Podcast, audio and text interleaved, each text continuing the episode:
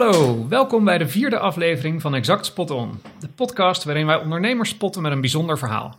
Wat drijft ze? Welke keuzes maken ze? En waar halen ze de veerkracht vandaan om in deze moeilijke tijden door te gaan? Mijn naam is Boudewijn Pothoven en vandaag ga ik in gesprek met Pieter Nederlof van Netco. Netco is een producent en groothandelaar in kunststofproducten uit Nieuwekerk aan de IJssel. Toen ze eind maart een vraaguitval zagen, besloten ze om toonbankschermen te gaan maken. Wat die beslissing heeft betekend voor het bedrijf, bespreken Pieter en ik het komende half uur. Pieter, hi, welkom. Ja, goeie, goedemorgen. Goedemorgen. Ehm, eh, waar zit je? We spreken elkaar via een videocall. Waar bevind jij je nu? Ja, ik zit in uh, Nieuwekerk aan de IJssel, gewoon op ons uh, kantoor. Ah. En ja, de meeste mensen zijn ook gewoon aanwezig op kantoor, omdat we genoeg ruimte hebben om, uh, om die, uh, die anderhalve meter te garanderen. Ah, kijk. En dat voelt ook het fijnste voor de meeste mensen. Ja, ja, ja. dus jullie uh, kunnen elkaar gewoon zien en spreken als collega's. Ja, gelukkig wel. Mooi, fijn. Nou, ik zit in de keuken deze keer. Um, dat geeft ook weer eens wat anders dan, dan de slaapkamer dan normaal. Um, nou, laten we beginnen. Um, zou je eens een omschrijving kunnen geven van, van Netco? Wat zijn jullie voor bedrijf? Ja, Netco uh, is in 1986 opgericht door uh, B.M. Nederlof senior. Uh, dat is mijn vader trouwens. Mm -hmm. En ja, het is dus een echt familiebedrijf. B.M. Nederlof zelf is in 2011 met pensioen gegaan. En daarna, hij, in 1991 is hij fulltime gaan werken samen met broer Jan. En toen was eigenlijk Netco echt opgestart. Dus 86 deed hij als bijbaantje. Ja. En vanaf 91 is hij dat samen met Jan, mijn broer, gaan doen. Nou, uh, in 2011, wat ik zei, is BM met uh, pensioen gegaan. En op dit moment wordt de directie gevormd door uh, de drie broers, hè, Jan en Bastiaan en Pieter, dat ben ik. En ja, inmiddels werken we al 13 jaar met elkaar samen. Ah. Nou, broer Bas, die was nog eerder in het bedrijf. Ja. En broer Jan is een van de oprichters. En vandaar ja, een echt, echt familiebedrijf. Hoe is die rolverdeling tussen jullie? Hoe, hoe, hoe voorkom je dat je elkaar de tent uitvecht? Is meteen daar aan de vervolgvraag dan? We zitten al 13 jaar bij elkaar op kantoor en dat gaat eigenlijk altijd prima. Af en toe gaat de deur dicht en dan hebben we een stevig gesprek met elkaar. Ja. Maar dat gaat eigenlijk altijd in goede harmonie. En die rolverdeling, Jan is algemeen directeur. Ja. Uh, Bas die houdt eigenlijk alle praktische zaken in de gaten. Ook met productie hier en uh, logistieke zaken, magazijn, warehouse, production. En ik ben uh, wat meer business development. Dat betekent product ontwikkelen. maar ook de productie in China in de gaten houden. We hebben een eigen production plant in, in China. Mm -hmm. En uh, ja, daar zit ik dan ook regelmatig. Gewoon om de nieuwe producten op de markt te brengen. Uh, te kijken wat kunnen we nog verder ontwikkelen. En ook onze mogelijkheden, onze productiemogelijkheden uh, goed te bekijken. Hè? Een eigen coatinglijn, een eigen houtbewerkingslijn. Maar ook hier spuitgietmachines.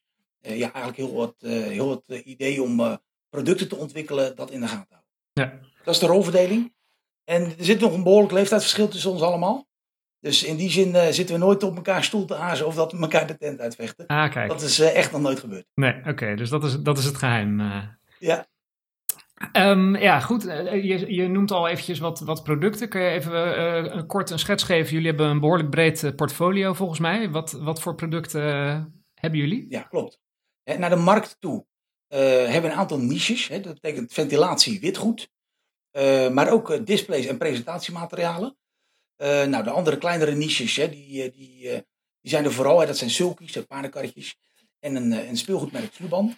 Hè, die, uh, die zijn er eigenlijk allemaal bij, omdat we dat aan de achterkant allemaal zelf kunnen produceren. Nu is Sluban een, een handelsgoed.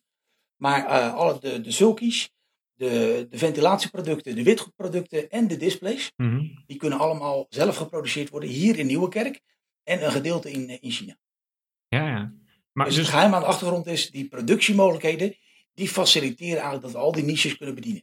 Ja, ja dus, dus het, is, het werkt eigenlijk zo, je hebt, een, uh, je hebt een fabriek staan en je bedenkt wat kunnen we maken en dan uh, ga je dat maken en kijken of je dat uh, weg kan zetten. Is dat ja, dat zijn eigenlijk de productiemogelijkheden en natuurlijk is dat zo gegroeid hè, dat wij in de ventilatie zitten en dat we in de witgoedaccessoires zitten. Hè, dus daar heb je een ruim productportfolio in. En dat geldt, hetzelfde geldt voor uh, de displaymaterialen. Hm. Uh, ooit in 1994 is BM naar Amerika geweest. En uh, daar werd wat handel opgezet met een, ja, met een displayfabrikant. Hm. En dat werd geïmporteerd. Hè, dus het was eerst een handelsbedrijf. Maar in de afgelopen 20 jaar zijn wij verschoven van een handelsbedrijf naar een echt productiebedrijf. Want die drijf zit er gewoon in. Hè. Ten diepste willen we gewoon eigen producten maken en eigen producten verkopen. Maar dus ook in voorraad houden. Ja, ja. En wie, zijn- wie zijn jullie klanten? Onze klanten zijn eh, ja, vooral eh, groothandels, Ja. maar ook ketens. Hè. Noem een Hornbach, hè. Daar, daar leveren wij ook eh, direct aan. Maar ook groothandels. Maar ook andere horeca-groothandels, bijvoorbeeld Hanos. Ja. Wat minder bekend is Plieger. Hè, dat, dat zie je wel vaak als, als merkje in de, in de bouwmarkt liggen. Maar dat kunnen gerust producten van Netco zijn. Ja, ja. Oké. Ehm, en, En natuurlijk hebben we dan ook gewoon de installateur Mhm. en de normale retailer. Ja, die nemen ook de, de, de kunststof of de, de ventilatieproducten af. Maar ook de displayproducten. En je zegt, jullie zijn begonnen als, als, eh, als groothandel en later is daar productie bijgekomen. Ehm, Ja, als handelsbedrijf. Maar Ja. je ziet die drijf er eigenlijk in zitten van jongens, wij willen onze eigen producten kunnen maken. Dus we willen gewoon zelf een goed product op de markt zetten en dat zelf vermarkten. Waarom wil je dat? En productie en dat handel, eh, zeg maar de, de groothandel, dat is allemaal in één. Ja. En waar- waarom vind je dat, is dat zo belangrijk om dat zelf te maken? Omdat je dan eigenlijk zelf de controle hebt op eh, hoe komt het product tot stand, eh, welke kwaliteit ga je leveren en ook die leverbetrouwbaarheid. Hè. We hebben een aantal kernwaarden als onderneming.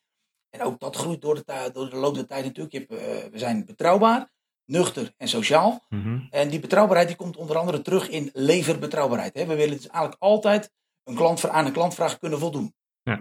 En dat betekent gewoon, ja, een verkoopsorganisatie, een verkoper die kan de weg op. Maar als hij geen voorraad heeft, kan hij eigenlijk niks verkopen. Hè, dus dat betekent eh, dat onze voorraadpositie eigenlijk alle jaren hoog is. Ja. Want we willen gewoon kunnen verkopen.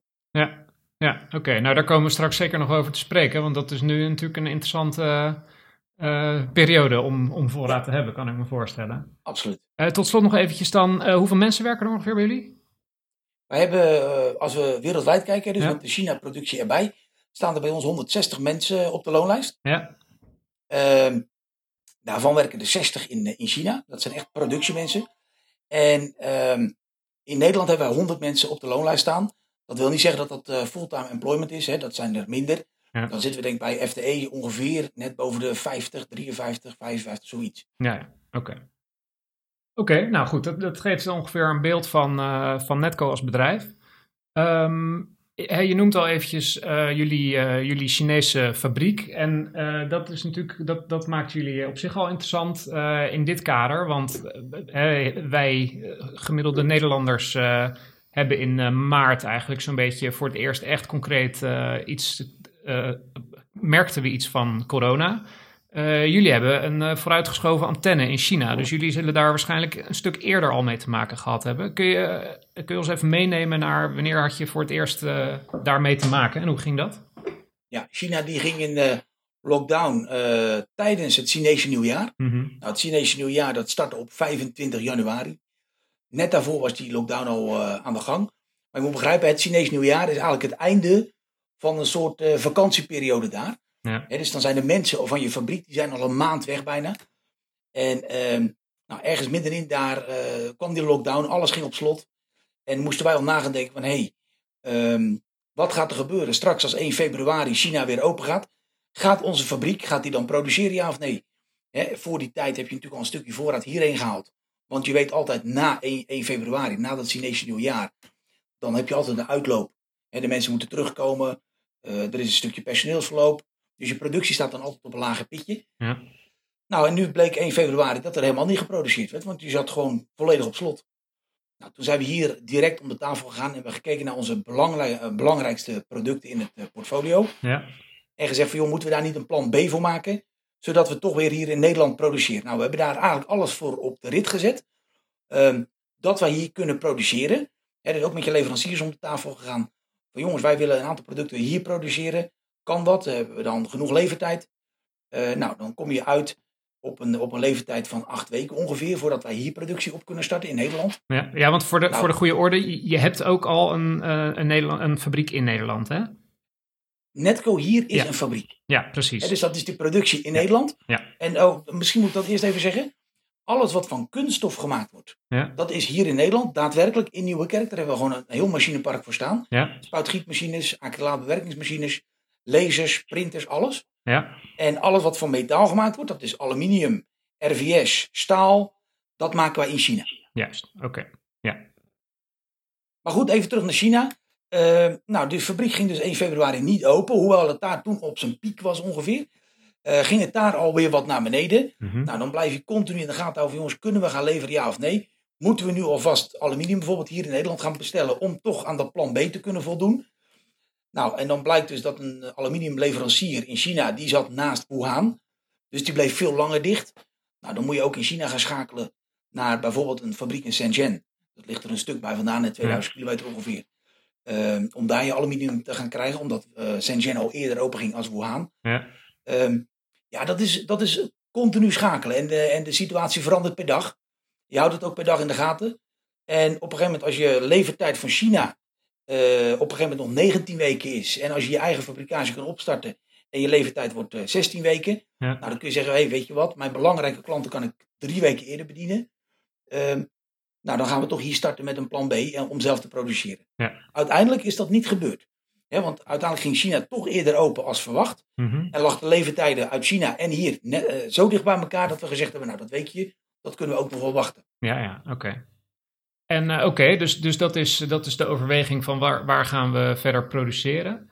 Ehm, maar eh, doordat je dus eh, hier al dus, eh, eind januari mee te maken had, eh, kan ik me voorstellen dat jullie ook al wel wat beter voorbereid waren dan gemiddelde Nederlandse bedrijf op wat gaat het nou voor impact hebben als dit naar Nederland komt. Had je, heb je Ja. daar voorbereidingen voor getroffen? Weinig, heel weinig. Oké. Want eh, het- je hebt, in China had je toen te maken met een lokale eh, epidemie. Ja, En dan heb je totaal nog niet in de gaten, net als heel de wereld, dat het eigenlijk richting jou komt. nee. En toen het, in, eh, toen het in Italië kwam, nou, toen zeiden we, nou, het, het, was- het is nog een kwestie van tijd. Maar het bleef nog vrij lang buiten Nederland. Ja, Dus je zegt van, ja, moet je nou echt voorbereidingen treffen? Wat moeten we gaan doen?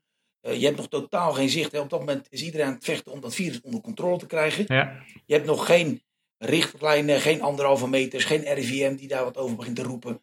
Ehm, dus ja, dan heb je eigenlijk ook nog geen aanknopingspunten om daadwerkelijk eventueel producten daarvoor te ontwikkelen. Dat is natuurlijk wel het eindstation. Maar om echt voor te bereiden, eh, zeggen we ja jongens, als het komt, dan komt het. Natuurlijk, afstand werken, dat zie je dan wel een beetje inkomen. Je kunt voorbereiden dat je wat meer afstandplekken hebt. Eh, je kunt wat extra virtuele PC's in het leven roepen. Je wat extra VPN-verbindingen in het leven eh, zetten. ja. Maar verder kun je nog weinig doen, omdat je niet weet welke effecten het uiteindelijk op de markt heeft. Wat jullie eh, dus wel zijn gaan doen, ik zei het net al eventjes in de, in de inleiding, is jullie zijn eh, je portfolio gaan aanpassen. Ehm, en en dat, dat vond ik echt wel een hele interessante, hè? want je hebt dus allemaal, eh, je bent helemaal ingericht op, op kunststof de producten maken. Ja. Eh, maar daar was, eh, kan ik me voorstellen, eh, zo'n zo'n toonbankscherm of hoe heet het, er niet één Zat er van. nog niet tussen. Nee. Zat er nog niet tussen. Nee. W- Wanneer ontstond dat idee en hoe, hoe kwamen jullie daarbij? Nou, toen, zodra het virus hier was en dat je echt begint te krijgen van, hé, hey, winkels die worden voorzichtiger, ze moeten dicht.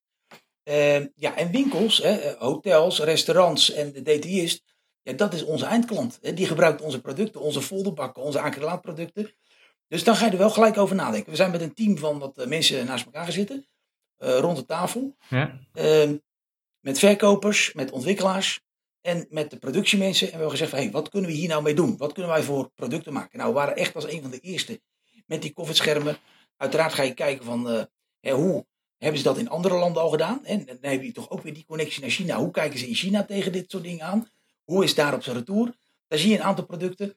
Nou, en daar, daar blijkt wel hè, dat, dat afstand houden en een scherm ertussen zetten echt een van de manieren is. Ja. Nou, die productiemogelijkheden hebben wij hier. We hadden hier één lasermachine staan, hè, dus die stond al vol continu te werken. We gingen gelijk eh, materiaal inkopen, dat is echt een dingetje. ja, Hè, je ziet dat in het nieuws komt, hè, eh, acrylaat, plexiglas, ja, eh, wordt schaars, hè, die fabrieken draaien overuren. Nou, dan is de industrie, en zeker als je een voorloper bent in, de- in die industrie, ben je daar al weken mee bezig. Dan ontstaat die schaarste al. Iedereen is op zoek naar acrylaat en dan in bepaalde diktes. Ehm, nou, dan, dan heb je een paar weken van Wild West. Hè. Iedereen wil daar een graantje van meepikken. ja, Eh, maar zelf heb je al ingezet op, hey, onze leveranciers, je hebt je eigen al volgetrokken met materiaal. Er gaat opeens een stuk investering in zitten. Hè. Dat, is, dat, dat klopt. ja, Eh, je steekt opeens veel meer geld in, eh in eh, acrylaat dan in je polystyreen bijvoorbeeld. ja, Ja, dat klopt. En eh, daardoor kun je wel door blijven produceren en kun je dus ook die leverbetrouwbaarheid ja, kun je op peil houden. ja. Maar en, en, en wanneer, uh, wanneer rolde nou het eerste uh, scherm bij jullie uit de fabriek dan? Oeh, die heb ik niet nagekeken, maar ik denk eigenlijk twee weken nadat we 15 maart ging natuurlijk de boel in, op slot. Ja. Nou, en ik denk eigenlijk al dat we, ik zeg twee weken, maar ik denk dat we een week daarna al de eerste COVID-schermen hadden. Ja, ja, ja. Ja, dus jullie waren er echt wel vroeg bij. En hoe, um, hoe, hoe, hoe, hoe vind je daar markt voor dan? Of vond die jullie? Ja, uiteindelijk hoef je op dat moment niet zo heel veel markt te zoeken. Nee. Uh, de markt gaat er al zelf om vragen. En als je dan kan leveren, dan ben je ook gelijk de leverancier. Ja. Uh, de andere kant is, we hadden daar wat. Uh, we hebben hier natuurlijk wat tekenmogelijkheden. We hebben wat renders gemaakt, we hebben wat producten, wat, wat proefjes gemaakt met producten. Hoe stabiel is het? wat, wat is nou de beste verhouding? En ja, die hebben we gelijk naar onze grotere accounts hebben die doorgezet. Van hey jongens, wij komen met dit product. Ja. En uiteraard gaven we daar op LinkedIn eigenlijk wat foto's en renders uh, vrij. Ja. ja, en toen, toen stroomde het gelijk eigenlijk helemaal binnen. Ja. He, dus uh, de hele markt die kwam er overal ons heen. Uh, de andere kant is, veel van onze producten op dit moment gaan naar Duitsland en naar Frankrijk toe. Omdat we daar ook grote afnemers hebben zitten. Okay. En die zagen dat ook. En die, ja, dan ben je toch op de een of andere manier de eerste die daarmee komt. Ja. En dus heb je de, gelijk de attentiewaarde. Ja, ja, ja. Ja, dat is een. Uh, als je je dan eenmaal weet te vinden, dan zit je goed natuurlijk. En, uh, en wat betekent dat? Uh, wat was daarvan het gevolg op, op, op Netco? Doen jullie nou, nu helemaal niks je... anders meer? Of hoe moet ik dat zien? Nou, op korte termijn moet je natuurlijk ja, een soort planning gaan maken. Hè. Je krijgt heel veel orders. Er staan heel veel orders in de portfolio. Ja. En laat ik zo zeggen, eerst, nou, eerst in, in, in, in maart verdiende ik het met 250 verschillende producten op de displaytak. En in april moet je het opeens met vijf producten verdienen. Ja. En uh, dat uh, is een veranderde werkwijze. Ja. En wij, hadden, wij hebben ongeveer 25 mensen in de productie staan voor de acrylaatproductie. Um, dat zijn veelal mensen met een afstand tot de arbeidsmarkt. Mm -hmm. Die wonen ook vaak in woongroepen. Hè, en, uh, of zitten bij instellingen. Ja. Nou, die instellingen deden allemaal de deur op slot. Dus wij hebben gezegd, we hebben 25 man naar huis gestuurd. En dat, was de eerste, dat was de eerste week. Ja, hoe ga je dan je productie regelen? Nou ja, je gaat toch zoeken met uh, beschikbare mensen die je hebt. Je hebt één lasermachine, die moet overuren draaien. Dus dan ga je 24 uur per dag draaien. Ja. Nou, we zagen na één week al van jongens, um, dit is handel die wij gewoon, uh, die de komende tijd uh, voor ons belangrijk is. Dus we hebben eigenlijk direct de beslissing genomen om ook twee lasermachines aan te schaffen. Okay. En zodoende kun je dan ook wat meer mensen daar aan zetten. Ja. En ja, die staan nu gewoon ook deze week nog 24 uur per dag te draaien. Ja, ja, ja. ja. ja. Dus ja, je gaat je mensen ga je anders allokeren. Eerst staan ze aan een vouwtafel en nu staan ze aan de lasermachine. Ja, precies. Terwijl misschien eerst uh, 75% vouwtafel was en 25% lasermachine, heb je nu die rollen omgedraaid. En sta je 100% aan de lasermachine en je probeert je vouwtafels, hè, dat zijn andere machines, probeer je op een andere manier uh, te vullen. Ja.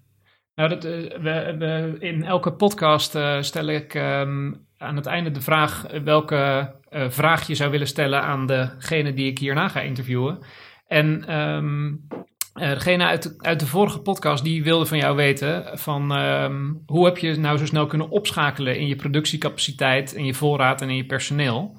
Um, dus daar geef je nu een heel eind antwoord op. Heb je ook echt meer personeel moeten aannemen? Of hoe, hoe is dat gegaan qua personeel? Nee, we hebben geen, er is echt een verschuiving in werkzaamheden plaatsgevonden. Ja, ja, ja. Dus je ziet eerst van jongens, ik sta heel veel te spuitgieten. Ik sta heel veel uh, A4 folderhoudertjes te vouwen, kaarthouders. En uh, die vraag die viel echt naar beneden, hè, want de restaurants gingen dicht, de hotels gingen dicht. Nou, dit zijn echt afnemers van dat soort producten. Ja. En uh, ja, je bent eigenlijk gewoon helemaal omgeschakeld naar die koffietschermen. Ja. En die koffietschermen moeten niet alleen gelezen worden, moeten ook ingepakt worden. Dus die werkzaamheden blijven wel hetzelfde, het inpakken. Ja, die, je bent eigenlijk gewoon volledig omgeschakeld naar een ander product. Uh, terwijl je jezelf niet opnieuw hebt uit hoeven vinden, want je blijft gewoon de mogelijkheden benutten die je al binnen had staan. Ja. ja. En dat is ook echt wel, hè, blijf bij jezelf, maar kijk naar je mogelijkheden. Hoe kun je jouw productiemiddelen, hoe kun je jouw mensen het beste inzetten om aan de marktvraag van op dit moment te voldoen? Ja, nou, dat is een interessante, interessante verschuiving. Dus je, hè, wat je in het begin al zei, van ja, we vinden het uh, belangrijk uh, om zelf die productie uh, in handen te hebben. Dat betaalt zich nu dubbel en dwars uit dus. Dat is ook echt een filosofie achter Netco. de mensen kopen bij de bron. Dat betekent vanaf, niet vanaf ruw materiaal, maar vanaf productie. ben je al gelijk bij als klant bij het proces betrokken. En ja, houden wij de maximale controle over wat kunnen we nu produceren wat produceren we ook daadwerkelijk, welke klanten worden uitgeleverd. En dat ook gewoon continu communiceren met je klanten. Hè? Dat je eigenlijk iedereen, hè, want die vraag is zo groot dat je niet gelijk volledig kan voldoen, maar dat iedereen de juiste middelen op het juiste moment hebt, de juiste producten op het juiste moment binnen hebt. Ja. Kan je, eh, kan je de vraag aan die je krijgt? De vraag kunnen we op zich prima aan. Uh, met name doordat je toch wat, uh, wat zaken hebt opgeschakeld. Mm -hmm. uh, met met wat lasermachines erbij. waardoor, en we hebben natuurlijk rondom ons heen, hè, als netwerk in je bedrijf, of als netwerk om, om je bedrijf heen, heb je toch ook wat mensen die wellicht een tegenvallende vraag hebben. En die, waarvan je nu gebruik kunt maken van hé, hey, jij hebt nog een machine staan, kan ik daar ook op produceren? Ja, oké. Ja. Nou ja, want het is achteraf natuurlijk makkelijk praten, hè, maar je hebt dus wel in een vroeg stadium, uh, um, heb je dus wel ook geïnvesteerd in, in extra uh, machinecapaciteit. Dus is dat een moeilijke keuze geweest? Uh, ja, je weet nooit wat die markt gaat doen, maar je blijft wel ondernemen. Je kunt je kop in het zand steken en zeggen van nou jongens, we wachten totdat de storm overwaait. En natuurlijk, mijn lasermachine die staat op dit moment vol en we draaien overuren erop. Allemaal, allemaal leuk en prima. Mm -hmm. Alleen als je die markt voor je ziet en je zegt van hé, hey, die is groter. En we hebben genoeg materiaal binnen. Nou, dan moet je ook gewoon opschakelen. Hè? Dan is het eigenlijk gewoon een ABC'tje. Ja. En zeggen van hé, hey, dan, dan moet je ook gewoon uh, vooruit durven stappen. Dat ja. is ook gewoon ondernemerschap. Dat is ondernemerschap, ja. Mooi is dat. Um, je zei, um, uh, je bent op dit moment op kantoor en nou ja goed, vanzelfsprekend in een productiebedrijf moet, moet uh, daar, daar, kunnen mensen niet thuis gaan werken. Hè? Hoe, uh, hoe, hoe, gaat dat bij jullie? Hoe hebben jullie dat ingericht? Ja, ik denk dat we dat eigenlijk hetzelfde hebben gedaan als de rest van Nederland. We, hebben wat, we hadden al wat thuiswerkmogelijkheden. Mm -hmm. we spreken elkaar graag op kantoor, ook in de wandelgangen. Er wordt ook veel informatie met elkaar gedeeld over lopende projecten. Uh, over hoe iets loopt in de productie. Hè. Als je thuis zit, dan kun je moeilijk naar achteren lopen om te zien hoe het in de productie gaat. Ja. Dat kan hier wel. Uh, maar uiteraard hebben we gelijk op kantoor gekeken van wie kan er naar huis om thuis te gaan werken. En dan is dat eigenlijk de eerste vier, vijf man ging, uh, ging direct naar huis. daarna hebben we wat laptops ook aangeschaft en nog wat VPN-verbindingen in de lucht geholpen. Waardoor er eigenlijk wat meer mensen thuiswerkmogelijkheden hebben. Ja. Inmiddels, zodra het weer kan, hebben we ook gezegd van jongens, wat is onze visie op thuiswerk? Nou, hè, vijf dagen thuis. Hè. Rutte zei van werk zoveel mogelijk thuis. Uh, maar zoveel mogelijk betekent niet vijf dagen, vier dagen, drie dagen. Dat moet je als bedrijf bepalen met elkaar. Mhm. Wat is veilig met elkaar? Je kunt uh, apart pauzes gaan vieren. Je kan uh, pauzemomenten nemen. Ehm, verschillende binnenkomstmomenten. een routing in je bedrijf aangeven. dat hebben we allemaal gedaan. We hebben eigenlijk het hele pand COVID-proof gemaakt met anderhalve meter. En toen zijn we langzaamaan weer mensen gaan zeggen van joh, luister, kom weer naar de zaak toe, want je mist ook bepaalde zaken als je er niet zit. Ja. Nou, en nu werkt een deel thuis en een deel op de zaak. En dat, dat wisselt een beetje af. Ja, het hele kantoor staat helemaal vol met van die schermen, neem ik aan. Uh, we hebben op kantoor inderdaad wat schermen. Uh, onze bureaus staan al wat uit elkaar, dus in die zin was er weinig aanpassing nodig. Ah, kijk, mooi. Dus die schermen die heb je gewoon kunnen verkopen. Ja, ja. ja. Um, nou begreep ik dat jullie uh, aanvankelijk die schermen ook nog gekoppeld hebben aan een actie voor het Rode Kruis. Uh, ja. hoe, hoe, zat dat, uh, hoe kwam dat zo tot stand? Hoe zat dat in elkaar? Ja, hè, toen we begonnen, toen, toen zeiden we gelijk van nou, dit is echt zo'n product waar de maatschappij mee geholpen is. Ja. Hè, er zit ook een echt, het is een, een product met een mooie boodschap in feite. En ja, daar hoort eigenlijk ook de steun voor een goed doel bij. Ja. Dat werd het Rode Kruis. En ja, uiteindelijk heeft die actie, die heeft 16.000 euro opgeleverd. Hè. Dus elk scherm uh, van de maat 66. Die leverde 5 euro op voor, uh, voor het Rode Kruis. En uh, ja, wat ik zeg, uiteindelijk leverde dat bij elkaar 16.000 euro op. Dus dat is een leuke actie geweest. Die, ik weet niet precies wanneer die afgelopen is, eind mei of begin mei. Ja. maar tot die tijd waren er natuurlijk al duizenden schermen verkocht. Dus dat was echt een mooie, mooie actie. Ah, goed zeg. Ja, en die leefde ook binnen hier bij het personeel. Dus dat is wel heel grappig. Dat je dan ziet van, en, en mooi om te zien. Hey, iedereen zette zijn schouders onder. Natuurlijk moet overgewerkt worden. Natuurlijk er moeten mogelijkheden gezocht worden om eventueel onze capaciteit op te schakelen, schakelen ook buiten de deur. Uh, maar iedereen zet daar zijn schouders onder. En dat is echt heel mooi om te zien. Ja, ja dus je bent niet alleen maar um, voor jezelf omzet aan het maken, maar je bent ook, er is ook echt een besef van uh, we, zijn, uh, we zijn aan het helpen, aan het bijdragen.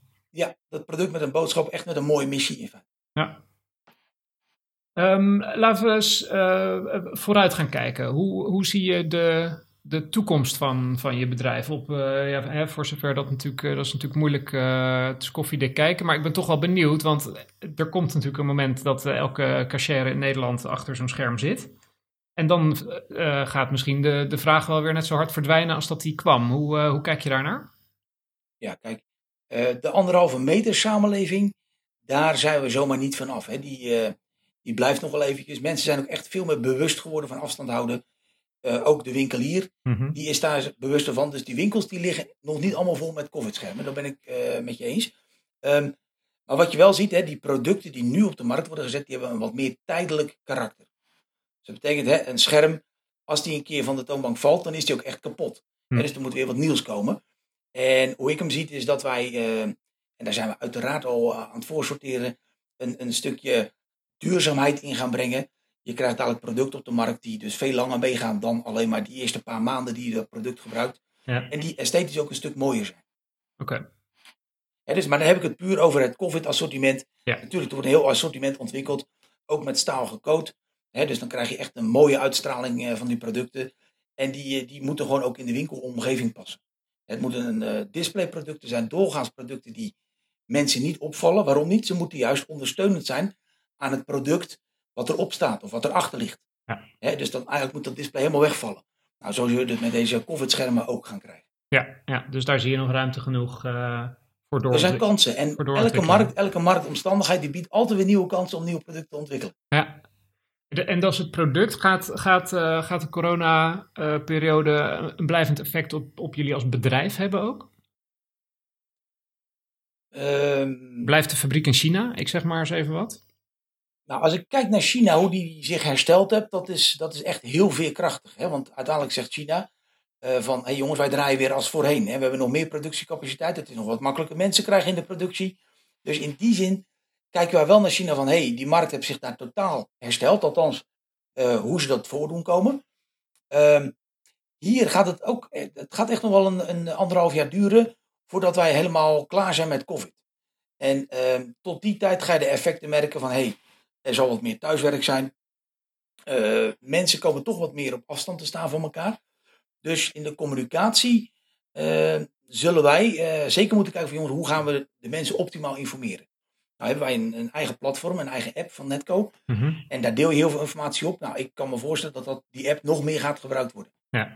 Om gewoon ook rondom projecten informatie centraal te ja.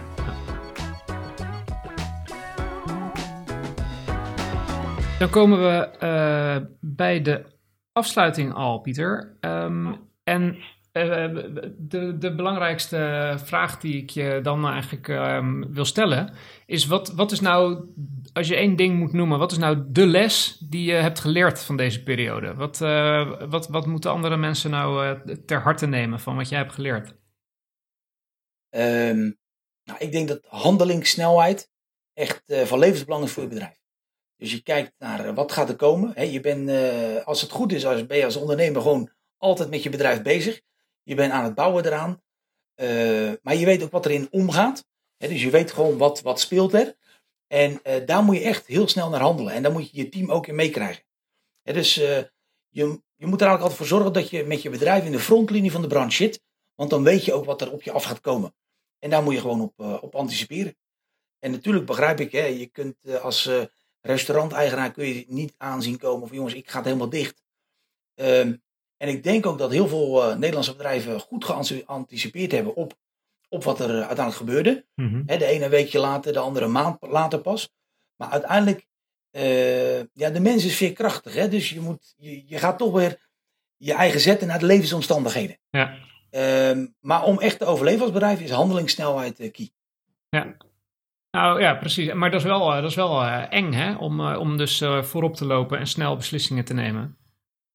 Ja, maar als je weet wat, wat je bedrijf kan hè, en wat je, wat je doet, wie je bent als bedrijf, mhm. dan, dan is dat zeker mogelijk.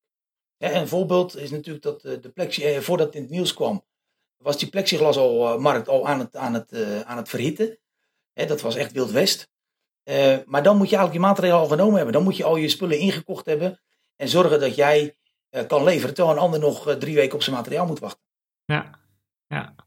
Nou, mooi. Goeie, goede les. Ja. Um, en dan sluiten we af met de kettingvraag. En dat is een uh, vraag die jij mag stellen aan de uh, ondernemer in het volgende uh, podcastaflevering. Ja, en mooi. dat is een bedrijf en die zijn ehm, eigenaar en uitbater van een aantal feestlocaties. Dus die zitten in een behoorlijk andere situatie dan jullie. Um, wat, welke vraag kan ik meenemen naar dat gesprek? Ja, um, nou goed, hè, ik had al even nagedacht over zo'n vraag. en dan had ik puur naar mijn eigen situatie gekeken. Hè. Mhm. we hadden eigenlijk weinig thuiswerkers. Eh, na, de, na de eerste lockdown, ja, toen, toen hadden we best wel veel thuiswerkers. Dat zorgde ook wel even voor spanning in de communicatiekanalen. Maar nu kijken we vooruit en zeg ik van jongens, hoe ga ik straks om met dat thuiswerk? Nou, ik kan me voorstellen bij zo'n uh, bedrijf in de, in de evenementenbranche of Ja. uh, in, uh, in dat opbouw. Eh, ook die mensen hebben kantoormensen. En zitten die nu allemaal thuis of was dat altijd al afstandwerk? Ja, hoe gaan we daar straks mee om eh, nadat alle regels versoepeld zijn en dat we eigenlijk niet meer op hoeven letten? Dan alleen maar dat we nog eh, contactloos zijn of aanraakloos, hè, touchless. Ja, Eh, hoe gaan we straks om met dat thuiswerk? oké. Nou, die vraag eh, die ga ik meenemen. Eh dankjewel. Daarmee zijn we aan het einde gekomen van deze aflevering. Eh, Pieter Nederlof van Netco, heel veel dank voor je tijd en voor het delen van je verhaal. Ook leuk voor de uitnodiging. En tegen de luisteraar zeg ik eh, dank voor het luisteren naar de vierde aflevering van Exact Spot On. Heb je een mening over de podcast of ben of ken je een ondernemer die we zeker ook eens moeten interviewen, dan horen we heel erg graag van je. Volgende week spreek ik Wouter Zuidgeest van de Ambivent Groep. Hij is eigenaar en uitbater van drie feestlocaties in het Westland. Ben je net als ik benieuwd hoe het hen vergaat? Abonneer je dan op ons kanaal, zodat je niks mist. Dat was het voor deze aflevering. Graag tot de volgende.